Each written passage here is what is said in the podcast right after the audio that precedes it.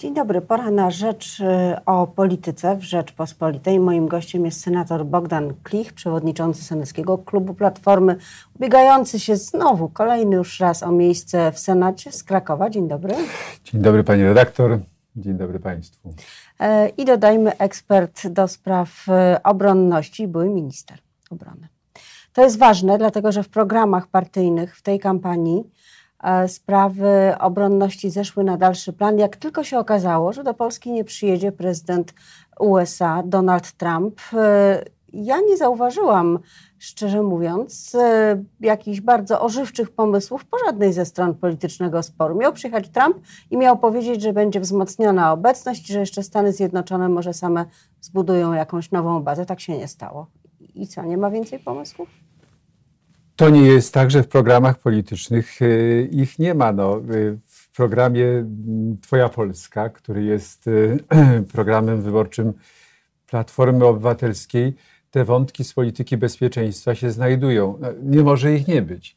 A proponowane są przede wszystkim te, na których najbardziej zależy obywatelom. To jest efekt naszego wielo, wielodniowego chodzenia po ulicach, bazarach, placach, rozmów z ludźmi.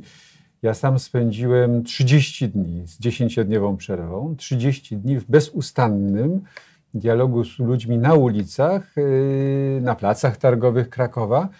I wiem, że y, jest pięć takich zagadnień, które są dla ludzi podstawowe. To znaczy lepiej zarabiać, mniej płacić podatków. Po drugie, y, zdrowie, to znaczy usprawnić, a właściwie odbudować służbę zdrowia. Po trzecie, y, y, odbudować to, co zostało zniszczone w polskiej oświacie, czyli kwestia szkolnictwa. Po czwarte, z kolei y, to, co się łączy z czystym powietrzem i czystą wodą. Szczególnie w Krakowie. Pakiet ekologiczny, szczególnie w Krakowie. Chociaż Kraków ma pewne osiągnięcia, bo od 1 września jest zakaz palenia węglem. Y, y, po piąte wreszcie kwestie, y, kwestie polityki senioralnej, czyli wszystkiego tego, co może ułatwić życie seniorom w Polsce. No i, i sprawy samorządowe. W jaki sposób wzmocnić samorząd w sytuacji, kiedy on jest wkręcany w ziemię, z buta traktowany przez obecną władzę. Panie senatorze, ale jednak wrócę do spraw bezpieczeństwa, bo wizyta prezydenta Chętnie. USA miała być, e, przynajmniej tak wydawało się, patrząc na e, politykę informacyjną prowadzoną przez partię rządzącą, przez PiS, miała być takim punktem, do którego będzie się można odnieść właśnie w tych sprawach.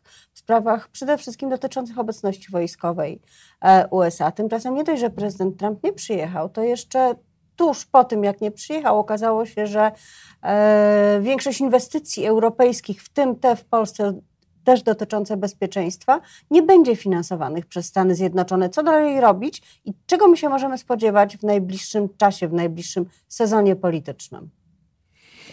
Polityka obecnego rządu w stosunku do Stanów Zjednoczonych jest polityką opartą na złej postawie. Nie podstawie, tylko postawie.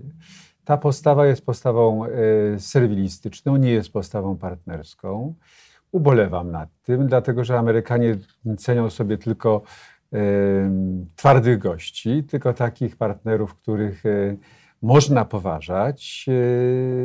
Nie rozumiem, dlaczego są podejmowane decyzje o kontraktach zbrojeniowych na wielkie sumy, bez przetargu w czasie mojego urzędowania, gdy na, nawet nie można, na, nawet bym sobie nie wyobraził, żeby można było nie rozpisywać przetargu na tak wielkie kontrakty, jak e, kontrakt w sprawie e, patriotów, czy kontrakt w sprawie Y, systemu HIMARS. Y, no PiS ogóle... sobie wyobraża, ale może to siła Prawa i Sprawiedliwości, może dlatego ma takie poparcie, że wiele rzeczy sobie wyobraża, których inne partie sobie nie wyobrażały do tej pory. Nie, ale to niezgodne z jakimikolwiek regułami sztuki w świecie zachodnim, w tym w Ameryce zakup e, każdej rzeczy dla państwa, w tym tak ogromne kontrakty, muszą być stuprocentowo przejrzyste. Muszą się opierać na jasnych kryteriach, muszą się opierać na jasnych procedurach.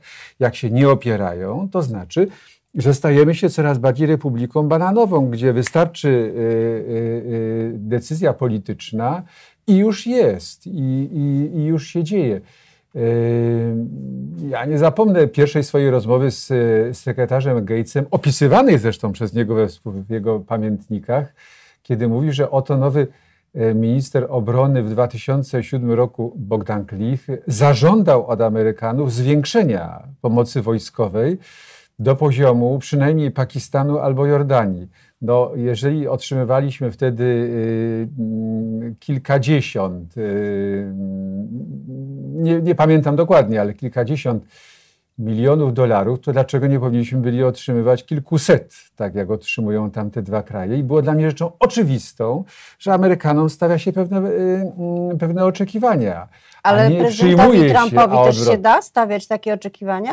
Przecież widać, że on prowadzi pewną politykę też faktów dokonanych i bardzo nie lubi, jeżeli ktoś czegoś od niego żąda należałoby stawiać takie oczekiwania, dlatego że prezydent Trump ma transakcyjne, biznesowe podejście do polityki. Zresztą wielokrotnie to było opisywane i wszyscy na świecie o tym wiedzą. Więc jeżeli ktoś podchodzi biznesowo do polityki, to trzeba się zachowywać jak, jak w biznesie, to znaczy jasno mówić o swoich oczekiwaniach, twardo negocjować i uzyskiwać takie efekty, które są dla kraju najlepsze. To wróćmy w takim razie do kampanii y, wyborczej, do senackiej, bo ciekawa jestem, czy dobrze Pan ocenia ten ruch, który wykonała Koalicja Obywatelska, zgłaszając chyba 80% swoich kandydatów do Senatu, zostawiając 20% innym partiom opozycyjnym w ramach no, takiego trochę zawartego na siłę w tym momencie paktu e, senackiego. Na siłę dlatego, że w sumie wszystkie te kandydatury nie zostały e, ze sobą skonsultowane. Jedyne, co można było zrobić, to nie stawiać kontrkandydatów. To chyba nie wyszło za dobrze. Ale ważne jest, że, że nie ma kontrkandydatów z innych e, demokratycznych komitetów wyborczych w stosunku do, do partnerów. To znaczy z wyjątkiem chyba jednego okręgu wyborczego. To jest żelazna reguła, która w Polsce obowiązuje i tego obywatele oczekiwali, czekali na e, maksymalną jedność opozycji. Nie udało się w, e, w Sejmie. W Senacie, w moim przekonaniu, e, to jest, to jest dobre rozwiązanie. To znaczy, w każdym okręgu wyborczym, gdzie występuje kandydat Koalicji Obywatelskiej, nie ma kandydata z Lewicy oraz oraz PSL-u y, i odwrotnie. I to, jest takie, I to jest taki swoisty pakt senacki. On nie jest podpisany, on nie jest ogłoszony w postaci deklaracji, ale wszyscy widzą, że ugrupowania demokratyczne między sobą nie konkurują do Senatu.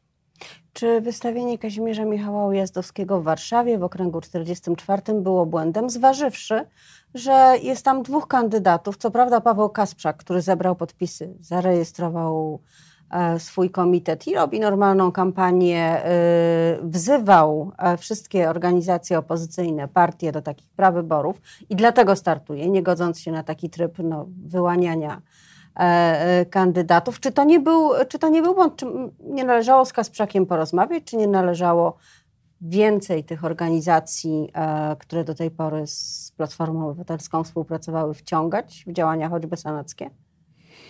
Myślę, że wiele już z nich jest na pokładzie. Zresztą widać to gołym okiem i w kandydaturach do Sejmu, i w kandydaturach do Senatu. No, Kasprzak wiele, też mógłby być. Wiele organizacji społecznych. E, zdaje się, że e, obywatele RP są tutaj jedynym wyjątkiem. Ja sobie cenię kandydaturę Kazimierza Ujazdowskiego. Znam go jeszcze z początku lat 90. Wiem, że jest zadeklarowanym demokratą. Wiem, że jest zadeklarowanym e, zwolennikiem rządów prawa. Wiem o tym, że chce odbudowywać wymiar sprawiedliwości. Wiem o tym, że mm, e, no może nie w takim stopniu jak ja, ale broni sędziów, e, no bo ja oprócz sali senackiej to jeszcze chodziłem na rozmaite wydarzenia, uczestniczyłem w nich oraz broniłem obywateli, którzy byli sądzeni za to, że korzystali ze swoich praw obywatelskich, ale jest y, zdecydowanym zwolennikiem y, tego pakietu demokratycznego, który w Polsce został przed, przez PiS wysadzony w powietrze. I nie dyskwalifikuje go to, że był y, ministrem w rządzie Prawa i Sprawiedliwości? No wiele, znamy, wiele znamy takich transferów, które się okazały dobre dla Polski, jak na przykład transfer Radosława Sikorskiego przed laty, którego uważam za jednego z wybitniejszych polityków i jednego z najlepszych ministrów.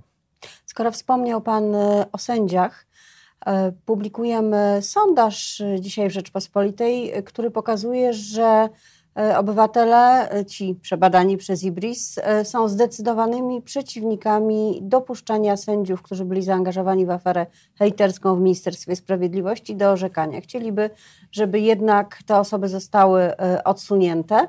Ale tak naprawdę, gdyby się nad tym zastanowić, to nie ma podstawy, ponieważ e, nie tylko nie zakończyło się żadne postępowanie, ani dyscyplinarne, ani prokuratorskie, ale nawet nie do końca wiadomo, czy zostało wszczęte. Co z tym zrobić? Ten sondaż pokazuje, że, że Polacy patrzą, z, e, że Polacy są przyzwoici. Ten sondaż pokazuje, że Polacy chcą przyzwoitej polityki i ten sondaż pokazuje wreszcie, że Polacy y, są solidarni z tymi y, spośród sędziów, którzy występowali w obronie albo po prostu stosowali zasady praworządności w Polsce i że są przeciwko tej całej zgniliźnie, która zakorzeniła się w Ministerstwie Sprawiedliwości. Ja dodam, że także duża część elektoratu Prawa i Sprawiedliwości jest za tym, żeby tych sędziów odsunąć. To, to jest ważne, bo wykracza poza te zwykłe podziały partyjne, że tam około 40% ma jedno zdanie, 30 parę ma drugie i tak to jest e, ułożone. Tu nie, tu jest ta logika przełamana. No, spośród ponad 200, jeśli dobrze pamiętam, 206 afer, które zdarzyły się za sprawą Prawa i Sprawiedliwości w Polsce w ciągu ostatnich czterech lat, ta jest jedną z najbardziej dojmujących. To jest jedna z takich afer, które pokazuje, że państwo PiS jest przegnite moralnie.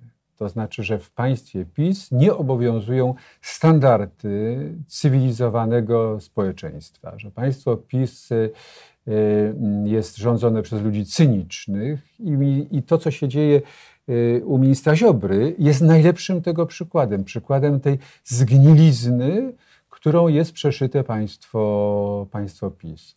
Y, Ale czy I Polacy to widzą, Polacy to obserwują. Odporna, czy jest jakakolwiek władza odporna na chęć wywierania nacisków na wymiar sprawiedliwości? Mieliśmy do czynienia w czasie rządów Platformy z prowokacją dziennikarską, telefon do sędziego e, z poleceniem e, partyjnym. To była prowokacja, ale jeżeli się udała bez żadnego problemu, no to każdy sobie zadaje pytanie, to no to jak było w tych sytuacjach, które nie zostały nagrane, które nie zostały sfilmowane? Pewnie było podobnie i stąd brak zaufania społeczeństwa. Znaczy, nigdy w historii 30-letniej demokracji w Polsce yy, nie było takiego yy, stężenia afer. Nigdy w historii ostatniego trzydziestolecia yy, cynizm nie był, yy, nie był metodą yy, sprawowania władzy. Nigdy w ciągu ostatniego trzydziestolecia e, tak się, e, tak się, tak się e, w Polsce nie doszło do takiej eksplozji lekceważenia wobec standardów, łamania procedur i tak bo nigdy w ciągu ostatnich 30 lat nie doszło do podważenia roli instytucji broniących praworządności. To jest tak, że nad e, sędziami został zdjęty parasol ochronny, prawny, gwarantujący ich niezależność. To jest tak, że prokuratorzy, którzy postępują w sposób niegodny z etyką prokuratorską, e, mogą być w myśl ustawy z 2016 roku usprawiedliwiani przez swojego szefa. To jest wreszcie tak, e, że nie trzeba Pegasusa bo od 2016 roku profile internetowe wszystkich Polaków mogą być zgodnie z ustawą obserwowane przez y, służby i przez policję. No ale Pegasus, I to, czyli, nie, czyli... Trzeba do tego, nie trzeba do tego zgody sądu. W czyli system tym... internet, Pegasus, czyli system internetowy, trzeba, trzeba przypomnieć, yy, może wydatnie pomóc w tym, żeby nie tylko badać profile, co właściwie wolno każdemu. No ja mogę zbadać pana profil internetowy, poczytać sobie, zobaczyć. Pod warunkiem, e... że panią dopuszczę.